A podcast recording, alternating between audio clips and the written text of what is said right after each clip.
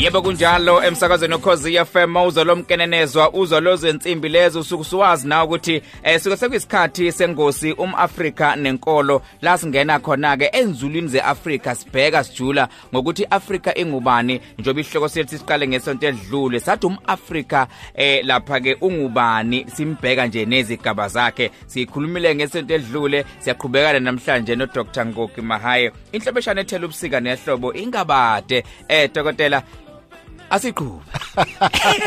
Kwadile kumthangala Hawu, sisho umthangala. Kwadike lo mthangala hayi macingwane. Hayi macingwane amakusa namhlanje sithi uNkulunkulu namandla wonke isabo bonke abamkhonzayo. Awubusisa uvuka kwethu ukuvuka kwethu namhlanje bese usigcina ngomsa wakho. Ahlala amagqoza macingwane kungaze kuthiwe inkawu idlala ngesikhwebo. kunjalo. Asiwona umhlambi kazelusile. Eh kanti namhlanje eh, umkhumiso ulingena izintondolo.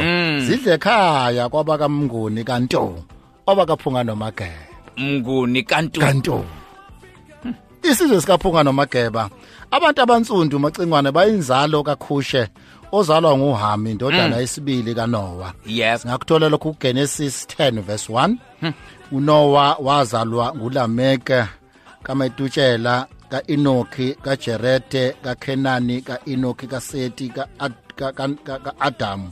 Yena owabunjwa ngumdala uqobo lwakhe. Hey. sakuthola lokhu kuGenesis 5 uGenesis 1 verse 27 noGenesis 2 verse 7 unowa lowo mkhumba ngithi uNoah lo mkhumbi yena yedwa. Yazike incanayo uyimvana uyi- uyi- uyimvelaphi yethu. Yebo. Okubuye nje macongane lezi zinto uzuyibone kahle namhlanje ngoba sihlubudlube ekhasini. Kunjalo kunjalo. Sikhathele uku- ukuciliselwe ibhakuba sidliswe ibhakuba abanye abafana ebese ukuthi eh, eh, eh, bona bese bedla ubhedu bedla ubhili nomfazi emithi hey. Akho ngamacingwane Khona ama- ke. amadodana kaHamu Mm. ngoKenan yep. uMiriam uqanjwe ngegama lakhe indawo okuthiwa iseGibhitha. Ukhushe nophuthi. Ukhushe wazala uRama nabanye. uRama yena wazala uShiba okuyigama eh, lakhe noma igama original nendawo futhi yaseTopiya yakhumbula sesakhuluma ngeNubia sikhuluma Abyssinia sikhuluma Yeah. ngeSouth Sudan. Yeah. empeleni yonke lento isho into eyodwa babe sidida nje umqondo ngamagama amaningi. Laba bacindezeleti becabanga ukuthi ngeke sikwazi ukubona lo mlabalaba abawudlalayo kanti sowubamba.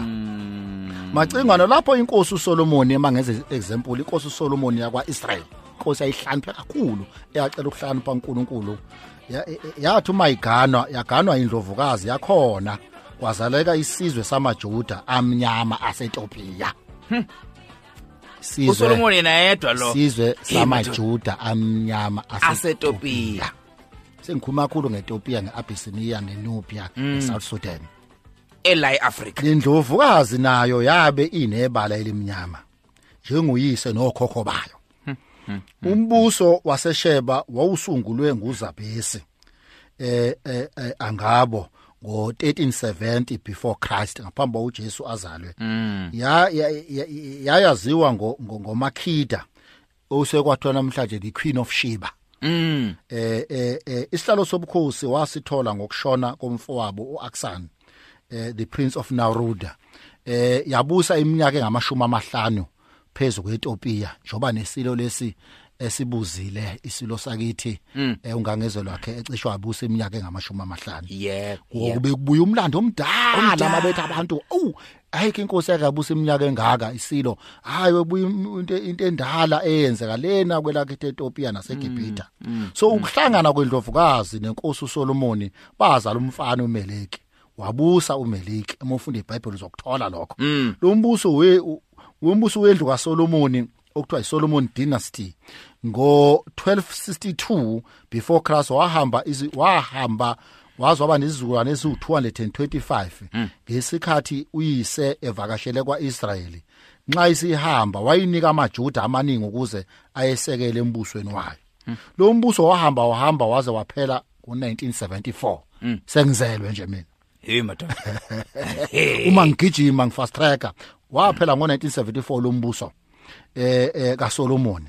Eh ngesikhathi umbusi empire eh eh yaseTopiya uHaile Selassie ekhishwa ebukhosini eTopiya. Hey. Zolo lokhu 1974 uma ungakhumbula futhi umthenwa eh, owashunyayezwa nguPhilip waphenduka wabhadadiswa eh, eminyakeni engamashumi amathathu uJesu ebethelwe wayengwaseTopia mawuphika lokho hamba ubheka izenzo 8 verse 27 sengishilo iTopia yithi yithi esiyitopia yithi esiyitopia nazo ke so uJethro futhi umprieste wakwaMidian wayenguyise kaZiphora. Owaba ngumkhwe kaAmo kaMos owayehlala kwakhe ebalekela uFaro. Wayengumuntu omnyama. Funda incwadi kaExodus 2 verse 15 and verse 21 ungahamba futhi ufunda umthandazo kaIsaya wesabatha wemesabeni uJehova zona ezulwane. Igcina imithetho yakhe anilobela yona ngenceke yakhe uMoses ukuze ukudumisa kwenu kwamuleke kuthixo emkhosi kwakuthixo lona wayesuke kubantu abamnyama nje wasebamnyama nje. Sikiyeke nje lokhu abantu ebebekusho ngenxa yokushoda eh eh eh kolwazi. Eh ngakho ke uMidiane kwakuyindodana kaAbrahama futhi. Eyizala kuKetura omnyama owaseTopia naye futhi uKetura owagana uAbraham ekufeni komkakhe uSara. Hamba uyofunda incwadi kaGenesis 25 verse 1 Dilika ngempela umthangala dokotela mekunje namhlanje ngoba hayi ungenhla kakhulu uphethe ngisho iBhayibheli. And ngiyathanda mase kuhamba kuze kuvele ngisho abantu abafana noAbraham. Ukuthi abantu bakithi lapho ngisho unkosikazi amgane emva kokushona konkosikazi wakhe ukuthi wesuka ke Ethiopia. Ngisho uMoso ngowakithi Ye madoda sike sakhuluma kumbe ngikhulume ngathinta indaba ethinta imithetho eyishumi eh lapha ke siyazi kakhulu eBhayibhelini uNkulunkulu ayithula eyithulela ke abantwana bakaIsrael eh kodwa ke ekhuluma ke noMose phezulu kwentaba eh lapha ke uMose lo esithi ke umAfrika naye eh ngoba ke umuntu oqala wahlangana noNkulunkulu khona la eAfrika. Manje bengifisa ukuthi ke ke sigijime siye sibheke indaba ethinta ke limthetho eyishumi ukuthi thina njengama-Afrika isithinta kanjani kodwa ukuze umlalela iqonde kangcono bengifisa aqale usikhumbuzise eh dokotela ukuthi kwambe uma sithi singama-Afrika siqhamuke enkabeni eyeAfrika eh sithini mesikhuluma kanjalo so asiphinde sikhumbuzane eh eh ninabaka ninabakantu ukuthi siqhamuka enkabeni yezwekazi Afrika endaweni eyaziwa ngeGreat Lakes region. Indawo yamachibi amakhulukazi ihlanganisa le ndawo umacingwana omkhulu iUganda iKenya iTanzania iSudan neBurundi. Engakapheli amachibi indawo kwakuyindawo eyodwa le.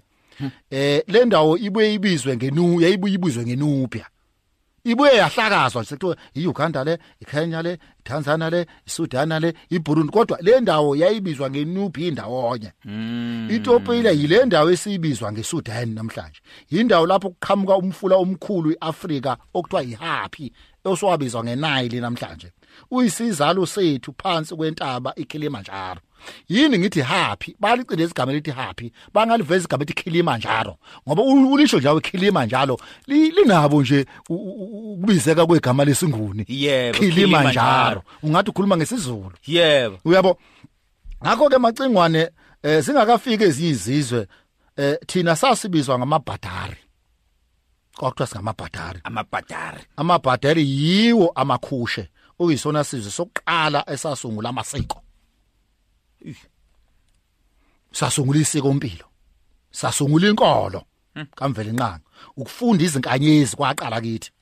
Babe nemithetho engamashumi amane nane 44 ukufunda leyo mthetho leyo yayisisekelo somuntu.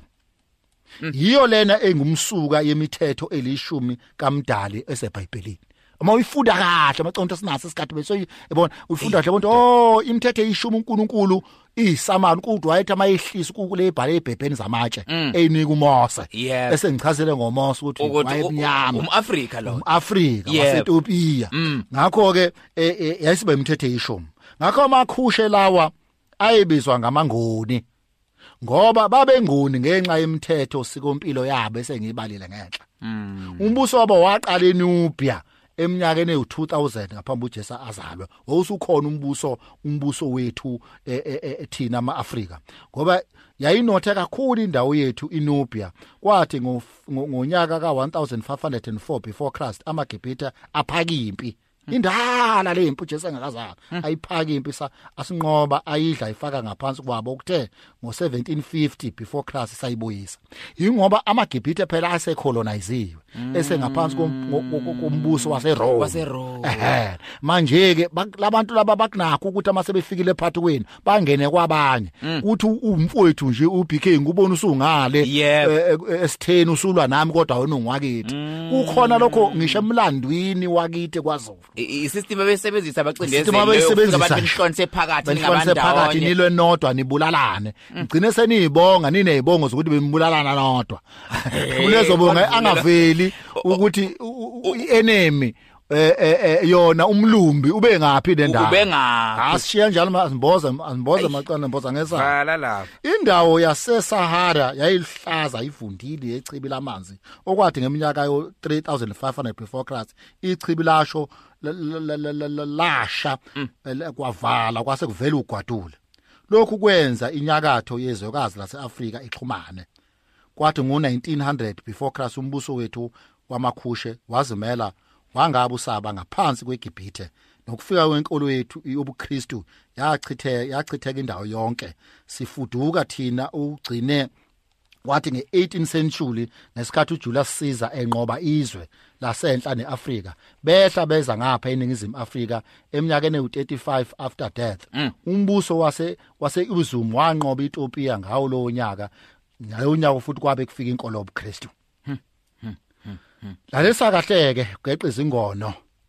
Yeah. Macingwane ngoba ngibamba lapha ngamabomu. Mm. geqa ingono geqa isigonogono sibuya nawe sithi kanye nawe. kanje nathi ngeveke lizayo hey! Acingwane Ah, madoda sifundile sithola okuningi. Eh sikhuluma lapha eh, eh, eh, ngomose omkhwenyana eh lapha kaJentro eh ngendodakazi yakhe uZiphora. Eh zi- zi- ziningi into esifundile sifunde ngesizwe ukuthi sisizwe esingoni. Eh eh, eh thina bathi nasizwe sekhunywa ngomnguni nje manje ukuthi khona umnguni wo- umasibuya macingwane ngeveke lizayo ngizongena lapho sengihlakaza bona abanguni ngiyohamba ngoze ngifike kubapedi. Hayi kodwa sibambe macingwane sithi impanga mpanga ukulala ngomkhono baba. Nansi ingcabayi kuwe mlaleli wogoze FM singama Africa Africa uNkulunkulu busisi Africa God bless Africa